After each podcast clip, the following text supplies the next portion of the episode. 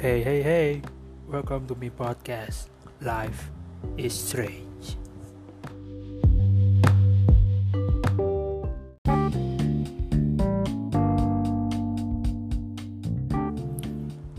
Hola, mi llamo Ti, mucho gusto. Oke, happy weekend buat kalian semua. Bagaimana kabar kalian satu minggu ini? Capek, happy, sedih, bingung, bosen, ya itu semua pasti ada di pikiran kita. Kita masih melawan coronavirus, right? So stay healthy, keep your hands clean, jangan males-malesan bersihin badan kalian, cuci tangan, supaya ya kita terhindar dari virus itu ya. Oke, di weekend kali ini bagaimana? Kalian sudah punya planning untuk uh, kumpul keluarga kah atau gimana? Atau mau video call dengan keluarga? Ya, ayo kalian bisa enjoy your weekend meskipun di rumah aja. Oke, di weekend uh, kali ini saya akan menyajikan episode spesial kita akan melakukan random talk oke okay? kita pakai ya cerita-cerita yang nggak usah terlalu berat kita enjoy aja kita lepasin aja kita mau cerita apa pun bebas let it flow pokoknya saya harap bisa nemenin weekend kalian lah oke okay? stay tune Ya,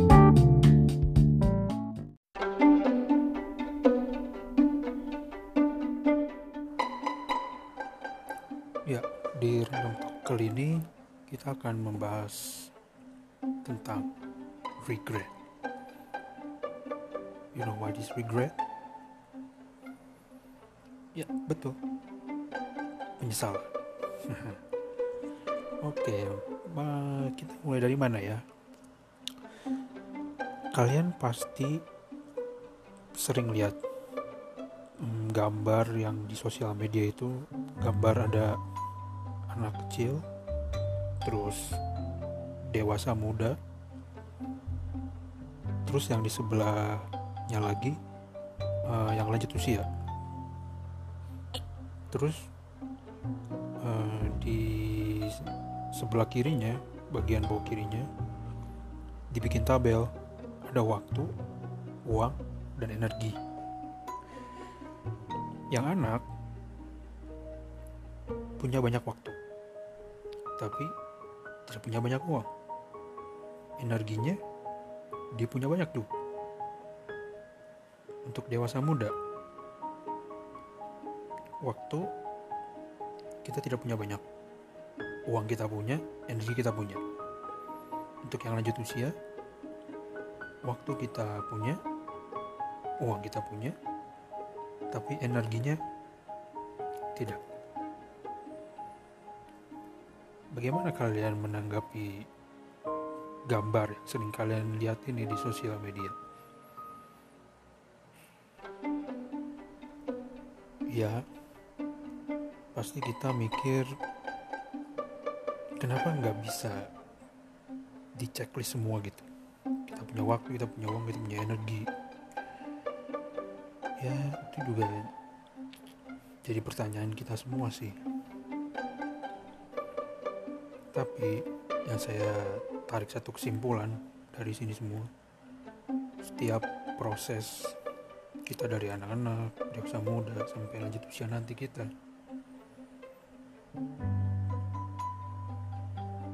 pasti pastikan jangan ada sampai jangan sampai ada penyesalan lah. Ya enggak ya enggak saya masih kecil zaman saya masih kecil saya harus akuin saya sangat happy saya menikmati sekali masa-masa anak-anak saya. Waktu banyak saya bisa bermain saya bisa ngumpul keluarga saya bisa ngumpul dengan teman saya bisa ngobrol dengan mereka. Saya nggak kenal yang namanya cepet capek meskipun meskipun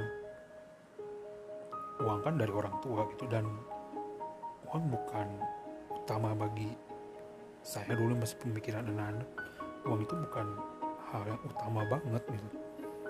Saya bisa jajan. Saya bisa beli mainan sendiri. Atau ya yang saya inginkan sendiri itu sudah cukup buat saya. Itu saya buat saya udah happy. Makanya saya tidak ada penyesalan di situ. Dan yang fase hidup saya sekarang masih di dewasa muda. Betul yang betul. Ya ada betulnya gitu. Waktu kita semakin sedikit. Udah jelas ngumpul keluarga ngumpul bareng temen. Kan kita ngejar karir kan. Karir kita kita mau menambah pundi-pundi uang kita. Tentu saja energi kita masih banyak dong. Kita lagi semangat semangatnya kan ide kita luas gitu loh. Pertemanan kita luas kita bisa ngelakuin apa aja buat ngasilin banyak duit gitu kan. Tapi saya ingetin uang bukan segalanya oke? Okay? money cannot buy a happiness. Got my point? You know what I'm saying? Money bukan segalanya. Apalagi bisa membeli kebahagiaan. Oke. Jadi kalau di sini poinnya buat saya sih ya buat saya meskipun waktu kita memang tidak sebanyak dulu waktu kita anak-anak bareng orang tua terus kan setidaknya ada quality time kita sempetin lah. Kita mau mereka gitu. kalau ada quality time juga dengan teman-teman kita? Ya kalau memungkinkan waktu kita ada kita coba datang. Kita hargai mereka juga. Ya mau misalkan tiga bulan sekali misalkan enam bulan sekali atau satu tahun sekali. Ya buat saya quality time itu ya penting lah penting di umur dewasa muda seperti kita nih menurut saya menurut saya masih penting. Supaya ya ini menurut biar gak ada penyesalan aja. Kita masih mau ketemu mereka you don't get the chance you, you know? Kesempatan terkadang gak datang dua kali mi amigo. Jadi yang harus kalian pertimbangin gitu. Dan untuk fase yang terakhir ini untuk yang lanjut usia saya nggak tahu untuk um, om tante gitu kan opa oma saya belum tahu. Fase kehidupan ini saya belum ngalamin. Ya mungkin penyesalannya ada di titik saya udah memberikan bekal ke anak saya cukup atau tidak? Pasti pemikiran mereka mungkin seperti itu kan. Saya sudah mendidik anak saya dengan baik atau tidak? Saya sudah memberikan yang terbaik yang saya bisa atau belum gitu kan? Ya pasti eh, pemikiran mereka seperti itu sih. Dan ya sampai sejauh itu aja saya bisa pikirin mungkin eh, om tante poma punya pemikiran yang lebih luas dari saya. Saya belum sampai mungkin ya saya belum sampai. Tapi boleh di share aja mungkin pemikirannya ada yang lebih dalam yang nanti, yang suatu saat nanti bisa jadi bekal buat saya ke depannya. Dan saya nanti bakal bisa lebih mengertinya lebih cepat. Oke kurang lebih seperti itu ya. Kalau misalkan kita melihat gambar-gambar ya, yang sering dikasih lihat di sosial media kan masalah waktu uang dan energi. Nah pernah nggak sih dalam hidup kita ada penyesalan yang paling dalam yang pernah kalian alami? Coba saya kasih waktu deh buat kalian pikir. Kira-kira ada nggak ya? Oke. Saya mau kasih satu kalimat seperti ini. Keputusan yang kalian ambil itu bisa melahirkan sebuah penyesalan. Dapat? Saya bacain sekali lagi ya. Keputusan yang kita ambil itu bisa melahirkan sebuah penyesalan. Nah, saya mau bacain juga dari uh, Alfi Syahrin dia punya tulisan di sosial medianya seperti ini. Ini tentang sahabat yang berubah. Menurut saya bagus. Saya akan bacakan buat kalian ya. Sudah jadi kisah lama. Sahabatmu menemukan pasangannya.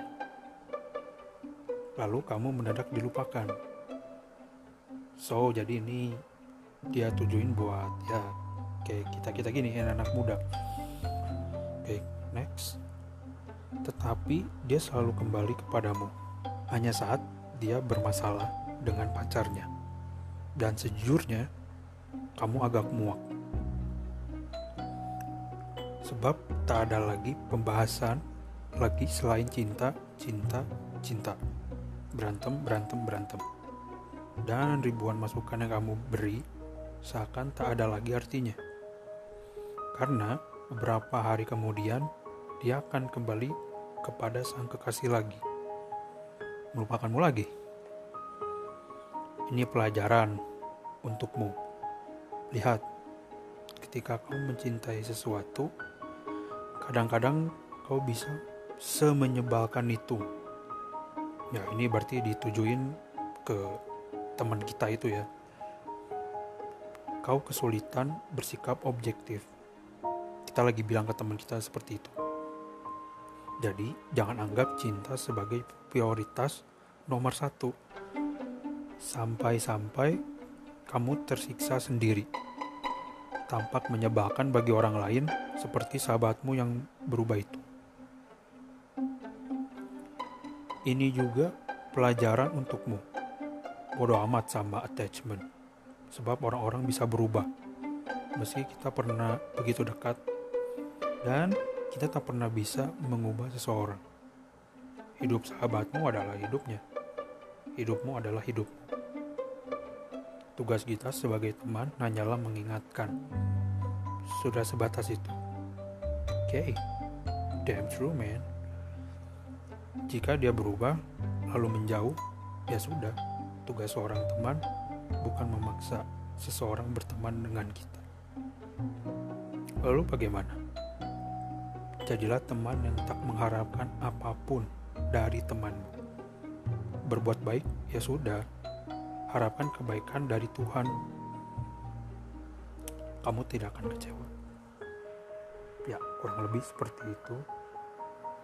Jadi, misalkan di realitanya kalian pernah ngalamin seperti ini. Apa yang kalian rasakan? Coba, apa yang kalian rasakan? What? You asking me? Saya pernah ngalamin itu? Oh, tentu saja pernah. You wanna know my story? I don't think so. I don't think so. Belum lah, belum. Gak harus diceritain semua kan. Itu kan namanya ceritain aib sahabat sendiri kan. Tapi saya cuma mau kasih tahu sebatas saya pernah ngalamin seperti ini. Tapi kalian pasti nanya ke saya. Di apakah kamu nyesel punya sahabat kayak gitu? Sih the answer is obvious. Dia udah kasih jawaban ke kita. Jadilah teman yang tak mengharapkan apa pun dari teman. So I think it's cool. I'm cool. Nggak apa-apa. It's not a big deal right kita sudah melakukan yang terbaik. Nah kita sudah melakukan yang terbaik. Seperti episode sebelumnya give the best. Oke? Okay? karena kita sudah memberikan yang terbaik kita sudah menjadi teman yang terbaik buat sahabat kita pasti there is no regret. Ada penyesalan. Karena saya sudah nggak mengharapkan apa pun. Saya yang penting saya sudah berbuat baik ke dia. Apa pun itu balasannya. Oke. Okay.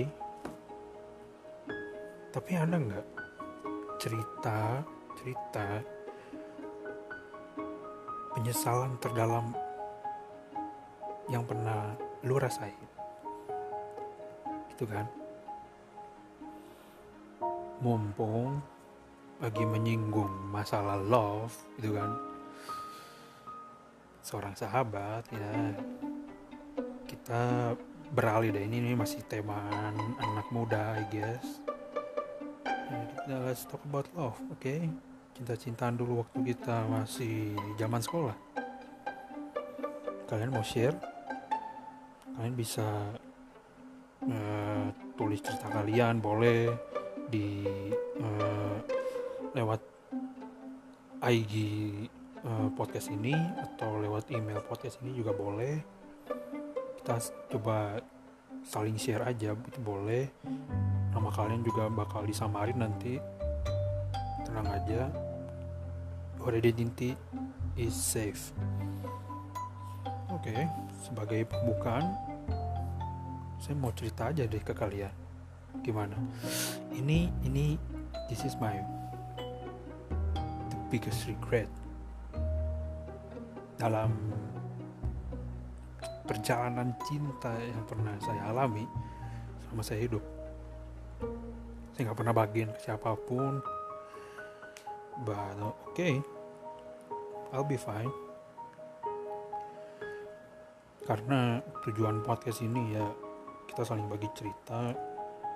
Kita uh, lebih terbuka aja supaya kita merasa lebih lega gitu kan. Oke. Okay? saya nggak akan nyebutin nama secara spesifik. Saya akan cerita dengan nama anonim anonim dengan ya nama-nama samaran aja deh. Supaya menjaga privasi kan. Jadi kalian pasti pernah denger crush dan love gitu kan. I have crush on her I have crush on him. I love her. I love him. Jadi pertama cinta pertama dan suka pertama itu dibedain. Ya kan? Kalian pasti tahu itu kan? Jadi dulu I have crush di kelas hmm, 3 SD ya 3 SD saya udah pernah nah, suka-sukaan gitu sama satu cewek berlanjut sampai kelas 6 di situ ya saya mulai lebih berani lah lebih berani buat melakukan PDKT nah caranya gimana buat narik perhatian si uh, cewek ini? Dulu tuh ada zaman zamannya hype nya tuh tas cewek tuh yang mini mini apa ya saya udah lupa itu. Pokoknya tuh tas hype banget populer banget di kalangan cewek itu. Kalau cewek pakai itu tuh udah pasti itu cewek up to date banget lah pokoknya gaul banget lah. Nah saya nabung duit jajan saya saya korbanin biasa saya beli main-mainan gitulah atau enggak ya saya suka jajan apa gitu kan. Nah saya tabung tuh. Duit jajan yang dikasih orang tua waktu SD dulu. Saya jajan secukupnya. Saya tabung tabung tabung tabung. Singkat cerita bisa kebeli itu tas nah, kali saya bisa beliin tas buat kecengan sendiri itu. Oh rasanya senengnya minta ampun itu so happy man nggak cerita? Saya kasih itu tapi kan nggak nggak ada nama saya gitu. Ya cuman tulis di kartu ucapan ulang tahun ya sama ulang tahun bla bla bla bla bla. Oh kenapa saya memilih kado tas yang ya zaman dulu itu 75.000 itu udah mahal gitu 75.000 zaman SD uangnya cuma 10.000 kalian bayangin. Kenapa saya sebodoh itu? Mau susah-susah payah buat beli tas itu ya? Seperti saya bilang di episode sebelumnya ya karena saya mau ngasih yang terbaik gitu. Dan yang kedua saya nggak mau kalah saing. Soalnya banyak ya ada nggak banyak sih ada beberapa yang ngecengin juga. Ya otomatis itu saingan dong. Ya kan jadi saingan. Enggak. Ya udah. Saya beli uh, gift yang terbaik kado yang terbaik kasih kartu ucapan yang terbaik. Uh, tentu aja teman-teman saya itu bukan tandingan lah istilahnya. Karena saya udah beli beliin dia tas yang ya, ukurannya cukup gede ukurannya cukup gede. Makanya harganya agak mahal gitu. Tas ukurannya cukup gede. Teman saya paling ya kasih kadonya ece ece paling kotak pensil lah coklat. Nah nggak kepake buat saya. Saya udah menang satu langkah nih. Oke saya cerita dia udah diterima kadonya udah diterima mantep. Nah tapi saya belum berani ngobrol sama ceweknya sih saya belum berani dan dari kelas 6 SD kita kan pindah ke SMP kepoin tuh. SMP-nya pilih di mana dia? Oh man saya dulu keras. Zaman SD saya keras. Saya punya nilai jadi cukup bagus. Jadi saya bisa milih SMP mana aja yang saya mau asalkan Inggris mat IPA saya bagus. Oh tiga-tiganya ini saya strong. Nilai saya sangat strong di tiga-tiganya ini. Jadi aman. Terus singkat ceritanya kita satu sekolah satu SMP mantap. Tapi waktu kelas 7 ya masih belum berani. Masih belum berani gimana gimana gitu kan masih culun. Sama juga perpindahan SD ke SMP kan pasti berbeda gitu kan. Lingkungan baru teman-teman baru eh, guru-guru yang baru gitu kan. Jadi saya mikirnya mau fokus oh saya mau kenal sama beberapa guru SMP seperti apa teman-teman baru saya seperti apa karena sekolah itu cukup bergengsi kan cukup bergengsi banyak-banyak orang kaya banyak orang pinter wah luas banget lah. Jadi masih culture shock gitulah oh PR PR gue banyak banget nih gitu. Saya, saya dulu mikirnya kayak gitu. PR gue banyak banget harus saya lakukan. Saya harus belajar cepet gitu kan fast learner. Karena pembelajaran SMP kan beda banget sama SD gitu. Literally SD ya kalian cuman bener-bener 70% main 30% belajar. SMP enggak I think udah ke 60% lah. Kita cuma dapat main 60% lah bahkan 50-50 mungkin main dengan belajarnya gitu. Nah saya mu saya mulai berani deketin dia tuh di awal kelas 8 dan di akhir kelas 7 jadi perpindahan kenaikan kelas 7 ke 8 dan kelas 8 ini masih awal-awal uh, di karena kan kita dirombak lagi ya. Kelasnya dulu waktu itu dari A sampai H. Ya H A, A apa sampai H. Jadi kan tuh banyak. Otomatis setiap kita naik kelas ya yang sekelas lagi kan gak mungkin satu kelas sebelumnya kita bakal ketemu teman yang sama kan pasti kita di random lagi. Nah pada saat saya di awal kelas 8 baru-baru kenalan teman-teman baru lagi nah saya sebenarnya masih fokus sama uh, cewek yang saya suka itu yang dari SD kenapa? Karena oh, waktu itu ada satu kesempatan yang saya pakai. Si cewek ini lagi nunggu dijemput. Nah rong sendiri sendiri masalahnya sendiri. Nah pulang sekolah oh saya juga belum dijemput nih. Wah kesempatan dong. Kesempatan ya kan? Kesempatan buat ngobrol dan PDKT nah, terus gimana? Uh, gimana di? Bisa bisa ter bisa terrealisasi nggak tuh tujuan lo? Ya singkat cerita kita ngobrol di situ. Ya basa-basi biasa sampai dia dijemput. Tapi habis itu udah. Gak ngelanjut gitu loh. Gak tahu ya mungkin saya emang tipe orangnya uh, pemalu gitu kan. Pemalu banget. Nah di saat bersamaan saya kenal satu cewek. Di kelas 8 itu saya kenal satu cewek. Uh, ya dia menjadi teman cewek pertama saya di kelas 8 itu. Yang saya ingat sih ya emang dia yang pengen kenalan gitu kan. Karena kita nggak banyak temen yang lama di kelas 7 jadi ya kita harus saling kenalan gitu kan di di kelas 8 ini.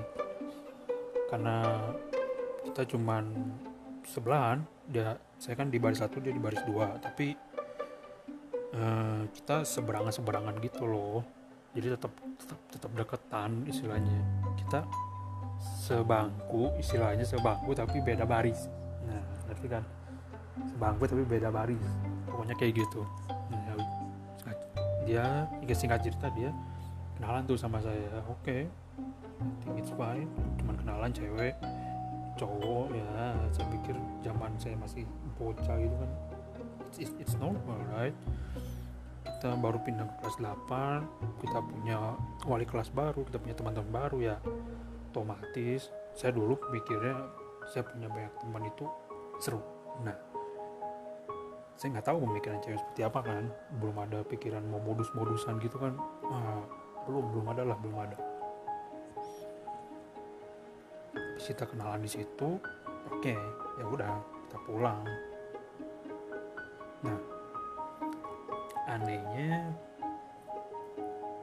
pada saat hari minggu hari minggu kan libur minggu libur uh, saya umat Kristiani uh, ke gereja tempat ibadah saya. Dan saya nggak tahu gitu. Ini cewek yang nah, kita panggil si dia ya. Si dia ini yang kenalan sama saya. Ternyata satu gereja. Kok bisa gitu? Saya juga nggak tahu kenapa bisa begini gitu. Aneh, aneh juga. Sangat kebetulan sekali bisa satu gereja gitu kan. Jadi pada hari minggu itu ada ada uh, acara sebenarnya acara gereja. Kita pakai uh, tiga bus acaranya. Jadi kita ada beberapa uh, cabang gitu. Gereja kita ada beberapa cabang terus lagi dikumpulin semua. Kita ada uh, kayak ibadah bersama gitu ibadah bersama. Tapi mau pindah ke satu tempat yang lebih besar gitu kan ke cabang yang lebih besar sampai bisa muat orangnya sekaligus. Makanya kita disediain transportasi bus. Yang bikin anehnya lagi itu bus kan ada tiga. Kenapa saya bisa satu bus sama si dia ini? Gitu kan.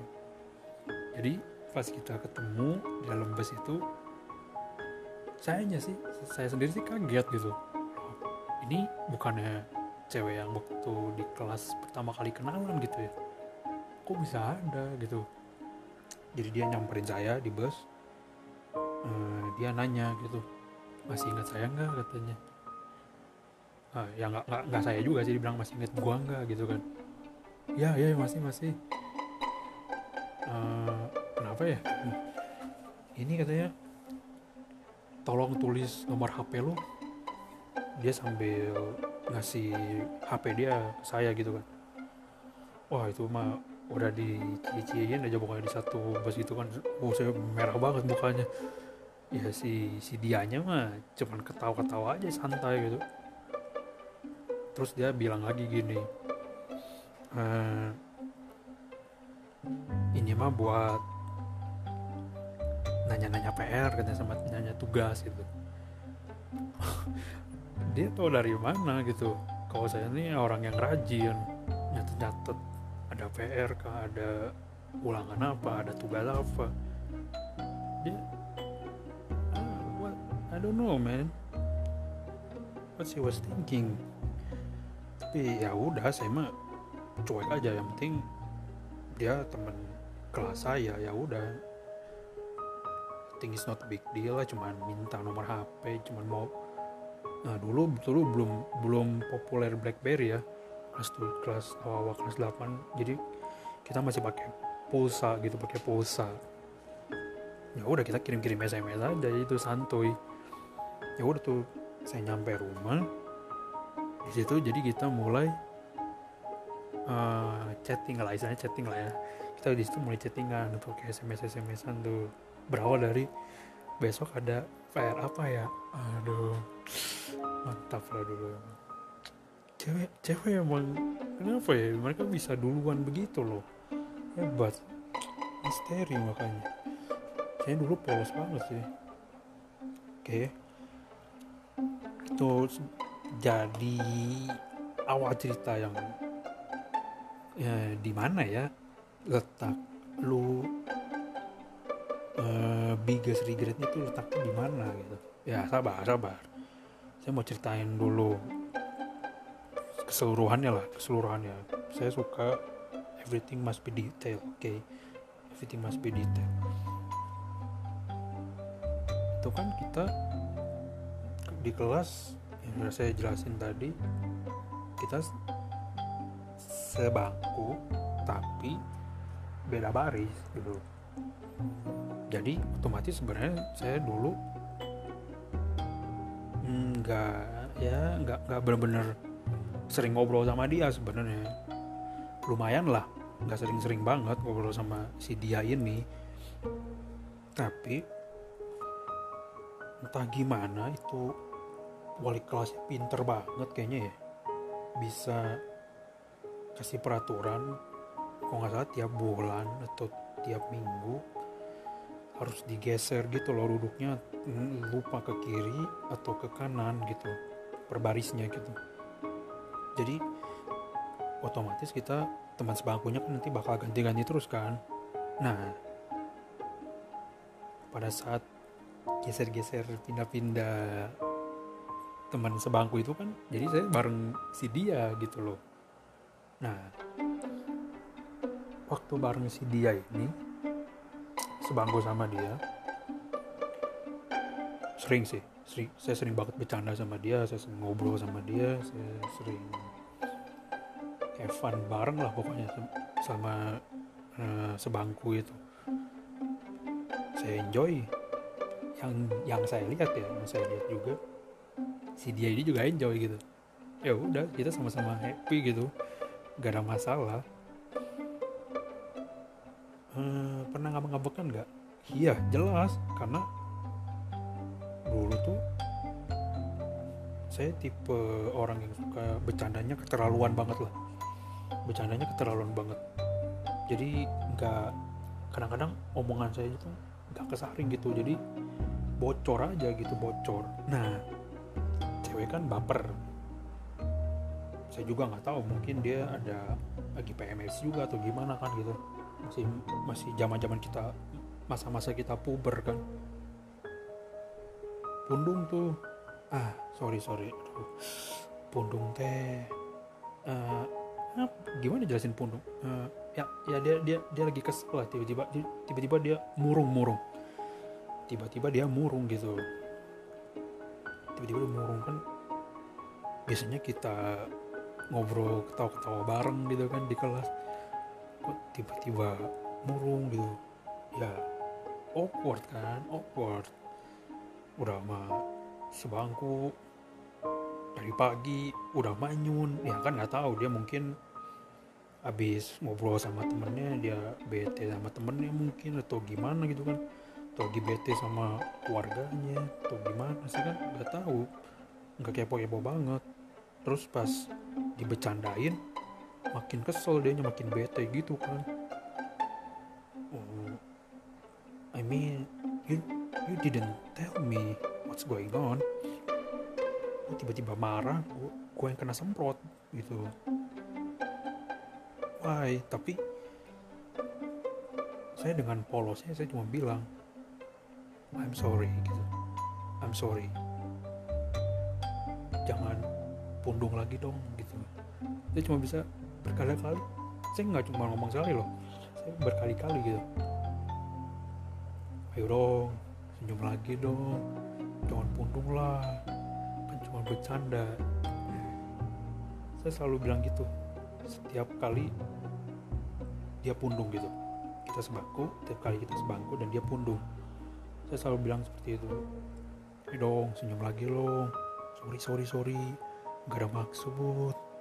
Lah terus gak lama dia senyum lagi uh, terus dia yang buka pembicaraan gitu kan uh, ada tugas apa ya atau PR apa nih ya soalnya kita berdua seneng nyalin PR dulu mah udah jelas seneng nyalin PR Nah, selain nyalin PR, dia juga pernah nyontek. Oh itu kacau. Coba banget sih dia pernah nyontek.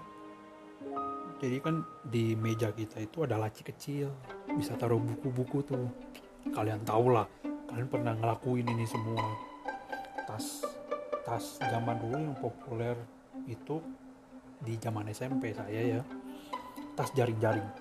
Uh, itu populernya minta ampun tapi kecilnya juga kecilnya minta ampun kita bawa tas yang hmm, kayak buat naik gunung aja uh, baru cukup gitu lah saya aja dulu sampai bawa tas tuh dua.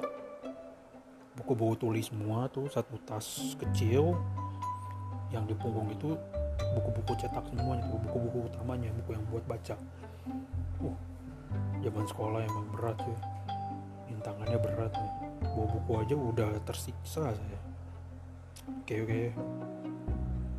Back to si dia lagi ya dia pernah nyontek tuh. Lucunya saya ngeliat gitu. Ya maksudnya ya you obviously see her right? Karena kan lu sebangku iya ya cuman kan kalau misalnya kalian lagi fokus ngerjain soal ulangan kan ya pasti kalian gak akan ke distract gitu. Cuman nggak tahu gimana ceritanya saya ke distract sama dia gitu. Saya ngeliat dia loh nyontek wah saya langsung bilang wah lu nyontek gitu. Tapi sampai bisik-bisik mau nyampe teriak-teriak. Kalau teriak-teriak kan ntar tawan guru eh udah dia bete lagi ya nggak seru lagi dong. Kita nggak bisa Evan bareng lagi gitu kan. Wah. Itu udah menjadi kartu as. Nah, kartu as. Kalau dia macam-macam saya punya kartu as. Eh lu pernah nyontek kan? Gue bisa laporin lo tapi dia juga jadi ketawa-ketawa gitu loh udahlah jangan bilang-bilang. Gitu. jangan gitulah jangan gitu. Nah, ya pokoknya bercandaan saya sesederhana itu sama dia. Jadi saya di situ belajar happy itu ternyata sederhana. Sampai ada lagunya kan bahagia itu sederhana. Nah itu iya saya percaya itu lagu itu. Bahagia itu emang sederhana. Nah, terus bro itu si cewek yang SD lu gimana kelanjutannya? Kelanjutannya ya kelanjutannya itu saya masih suka sama cewek yang dari SD itu. Tapi tapi kondisinya itu saya malah kayak lagi happy happynya sama si dia ini kan si cewek kelas 8 ini tapi gara-gara itu gara-gara si cewek si, yang dari kelas eh, dari SD itu ya jadi kayak, saya saya kayak jadi nyanyain cewek si dia ini gitu yang di kelas 8 ke sana gitu. Padahal harusnya karena kita deket si si dia ini deket sama saya saya juga deket sama si dia kan. Hampir tiap hari kita ketemu hari kita ngobrol bareng uh, kita have fun bareng gitu loh. Saya cuman kita kepisah paling pada saat pulang sekolah sama jam istirahat gitu kan. Dia dia punya geng-geng cewek hits hits gitulah. Jadi dia ngumpul gitu sama cewek-ceweknya. Ya nggak apa-apa. Gue juga ngumpul sama geng gue gitu loh istilahnya. Dulu gue sama cowok-cowok geng-geng cowok-cowoknya juga gitu bukan akhir gitu. Adalah teman-teman kelas 8 juga yang keren-keren gokil-gokil seru-seru lah rame mereka. Tapi di luar itu di jam pelajaran kita have bareng gitu. Have kayak gimana sih bro? Boleh diceritain gak ada satu momen yang saya paling ingat. Di hari Valentine. Pelajaran Mandarin. Nah. Pelajaran Mandarin emang the best banget kan? Di situ si Lausenya Lause itu guru gurunya jadi hmm, ngasih tugas ke kita gitu di kelas. Tulis tulisin huruf-huruf Mandarin ini ya sampai uh, berapa baris gitu tiga baris atau empat baris saya lupa. Ada tulisan Mandarinnya ada 10 atau berapa itu. Kurang lebih 10 deh kalau nggak salah. Kurang lebih 10 dulu. Pakai buku khusus gitu yang kotak-kotak gitu. Hmm. saya lagi posisi saya lagi sebangku sama dia. Tapi emang belakangan sorry. Belakangan emang jadi kita sering sebangku sih. Ujung-ujungnya pindah terus kayak permanen sampai kenaikan kelas. Jadi ya otomatis saya benar-benar jadi tambah deket sama si si dia ini gitu loh. Oke balik ke cerita uh, Mandarin. Jadi pas kita nulis itu kata si gurunya yang bisa beresin hari itu juga bisa dapat poin tambahan katanya. Wah boleh juga. Oke. Okay. mau kerjain kita kerjain di kelas tuh tenang. Tapi saya sama si dia ini ya agak berisik di kelas. Tau nggak kenapa? Jadi saya punya ide gitu. Saya kasih tahu si dia oi gimana kalau kita lomba? Nah, seru kan? Gimana kalau kita lomba? Siapa yang menang duluan dia traktir. Uh, jadi si dia ini dulu sering makan di kelas. Dia sering makannya itu lidi. Lidi kalian tahu kan jajanan lidi yang uh, asin sama yang pedas banget kan? Nah saya sering banget dia lihat saya sering banget lihat dia makan itu lidi di kelas. Otomatis saya punya asumsi jajanan kesukaan dia lidi eh dan emang bener dia bilang dia suka lidi nah saya bilang gimana kalau yang kalah dia yang terakhir lidi oke kita kebut-kebutan. Cepet-cepet lah cepet-cepet saya sih awalnya udah pede gitu karena saya bilang oh loh kok masih di baris segitu? Saya udah di halaman dua nih. Oh saya pede udah kayak lebih cepat gitu kan. Sebari uh, naon tulisannya teh butut gitu. Kalau dia kan cewek ya pasti lebih rapi gitu. Singkat cerita udah beres lomba itu saya kalah dong. Aneh enggak sih? Bisa kalah gitu. Padahal awal tuh udah unggul gitu loh. Oke okay, fair. Karena eh, saya lupa sih sebenarnya. Saya menang atau kalah gitu. Tapi yang saya ingat saya beliin dia lidi. Saya beliin dia lidi terus eh, nggak uh, tahu kenapa pemikiran pendek saya tuh bilang yo it's Valentine Day. What were you thinking dude? Buy some chocolate. Oke okay. berarti uh, lidi doang gak cukup nih. Gue harus beliin coklat. Jadi pada saat pulang sekolah beres gitu kan beres saya beliin si dia lidi ini pas jam pulang sekolah gitu. Saya beliin dia lidi saya balikan kasih lidinya terus saya bilang tunggu saya mau kasih sesuatu. Tunggu tunggu jangan pulang dulu saya bilang gitu. Saya lari ke kantin nggak terlalu jauh kan dari kelas. Saya lari ke kantin. Saya uh, cari coklat coklat uh, coklat bar gitu coklat batang. Kalian tahu nggak mereknya apa? Coklat ayam jago kalian bayangin itu cuman yang seribu dua ribu perak kan yang kecil itu. Ini cewek elit komplek rumahnya bagus gak sembarangan orang.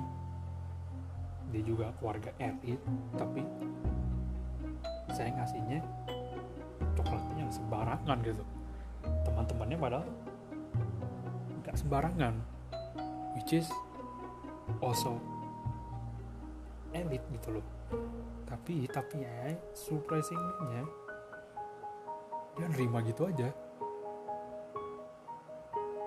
Saya cuma bilang ah, ya sama tadi Valentine gitu. Sorry ya cuma ngasih coklat kecil saya bilang gitu. Tapi dia saya ingat gitu raut wajahnya tuh dia happy banget gitu thank you thank you thank you. Dia cuma bilang gitu doang sebenarnya. Thank you thank you thank you. Aduh saya emang dari SD SMP bisa melakukan itu dengan gak sadar oh, uh, I love myself. Kalian juga harus gitu ya. Kalian harus love yourself. Oke. Okay. nah men ini udah kepanjangan men. It's too long amigo. Ya yeah, I know I know. Ini udah terlalu kepanjangan. Tapi nggak apa-apa saya akan lanjutin. Saya bakal kasih ke kalian sedetail-detailnya lah. Kenapa ini bisa menjadi the biggest regret saya? Gitu kan? Kelas 8 sampai kita naik kelas ke kelas 9 saya baru nyadar gitu. Kayaknya saya cuma suka gitu sama yang cewek yang SD ini.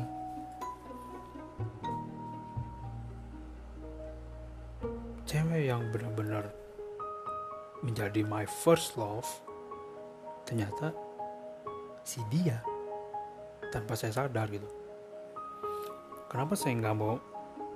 Bukan gak mau sih. Hmm, saya lebih tepatnya ragu. Saya lebih ragu gitu. Karena fokus saya masih terbelah kan antara milih si dia atau cewek SD itu cewek yang dari SD karena dulu saya kayak insecure gitu loh. Kayak kurang nyaman aja di dicecein sama teman-teman kelas tuh jadi ya, ya gimana ya? Nggak tahu dulu pemikiran saya ya ya saya nggak saya kurang nyaman lah kalau dicicin begitu gitu. Tapi tanpa sadar selama itu cewek yang bener-bener saya suka adalah si dia. Loh. Jadi selama kelas 8 itu saya sama si dia we having great time together gitulah. Tanpa status jadinya kan jadinya tanpa status. Udah dicicin berulang kali aduh. Ya di kelas 9 akhirnya kita nggak sekelas kita nggak sekelas. Dia ditembak sama satu cowok lain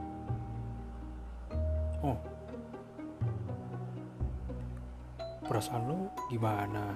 Ya amigo perasaan lu gimana my friend? Gitu kan.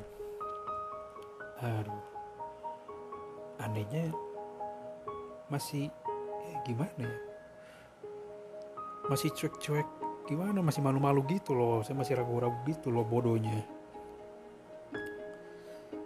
Sampai uh, mantan wali kelas saya di kelas 8 itu ketemu saya nih sama beberapa teman saya di kelas 8 ini statusnya kita udah di kelas 9 ya. Eh si ini si dia ini udah jadian sama cowok yang ini gitu katanya. Oh gitu. Bukannya bukannya saya nih katanya. Bukannya saya yang dulu naksir ya katanya cuma kelas 8 ya saya cuma bilang e, udah, punya pacar bu udah punya pacar jangan gitulah bu udah punya pacar gak enak saya gitu. cuma bilang gitu kan. Oh jadi bener ah cie mantan wali kelas saya bilang kayak gitu ya cie saya kasih tahu ya saya kasih tahu ya. Tadi saya ketemu anaknya katanya di bawah tuh. Cewek si dia tuh saya ketemu tuh katanya. Waduh ya. jadi mantan wali kelas saya yang di kelas 8 itu dia gurunya emang agak unik gitu. Jadi gimana ya? Jadi mungkin kemungkinan besar emang dia bisa bocorin aja kapan aja gitu kalau saya punya feeling saya punya perasaan sama si dia ini gitu. Saya nggak tahu sih ini ini mungkin pemikiran begonya saya gitu pemikiran bego saya. Hari itu kita ngobrol sama mantan wali kelas kita saya ngasih tahu saya suka dia dan besoknya si dia ini mutusin cowoknya. Wah teman-teman saya langsung bilang yo this is your chance this is your chance this is your damn chance ini kesempatan lu udah men. Sikat-sikat gitu. Tapi ya gimana ya saya kayak jadi masih masih ragu gitu. Ya takut kepedean kan takut, takut kepedean aja gitu kan malu aja gitu kalau misalnya masa sih gara-gara gue lu jadi putusin dia gitu konyol gitu kan pasti ada alasan lain gitu. Intinya dia udah putus si dia udah putus karena dia udah putus berapa kali kan kita nggak jujur aja kita udah nggak pernah uh, eh, sms sms lagi. Zaman itu dia udah pakai BlackBerry sih udah pakai BlackBerry saya masih pakai HP Asia ampas itu loh. Dia udah pakai BlackBerry ya tetap masih SMS-an kan jadi ya tetap aja. Kita udah jadi jadi udah nggak pernah SMS-an nggak pernah chatting lagi ngobrol pun juga udah nggak pernah. Tapi tapi yang bikin saya penasaran gitu tiap dia jalan sama temennya berpapasan sama saya temennya selalu cie-cie gitu. Oh ada ada dia tuh cie cie cie jangan salting atuh. Si si dianya digituin gitu katanya jangan salting jangan salting aduh dalam hati saya ini ini, kenapa banget teman-temannya ini? Si si dianya mah cuma ketawa-ketawa aja bukannya ilfil atau gimana? Dia cuma ketawa-ketawa aja gitu.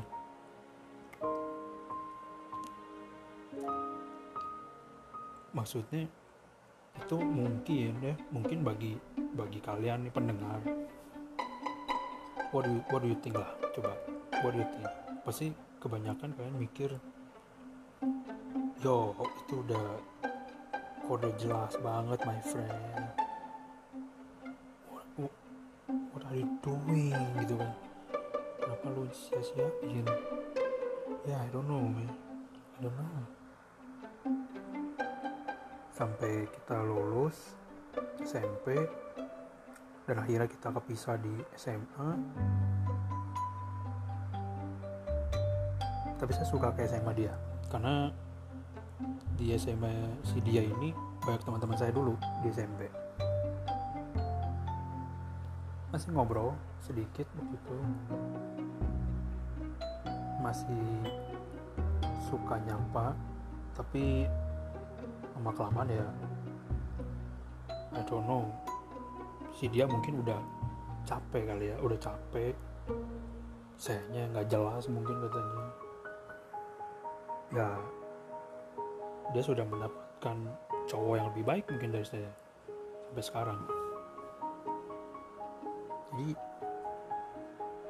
gara-gara hal bodoh gitu saya kayak nggak ya kan gara-gara bodoh saya cuma kayak nggak suka dicecein dong jadi saya nggak mau ngakuin gitu. Kalau saya dulu my first love is you gitu. You are my first love gitu kan ya kalian udah dapat gambarannya jadi ya buat saya itu masih salah satu the biggest regret in my life dalam hal cinta salah satunya dalam hal percintaan maksud saya. Saya punya biggest regret di sini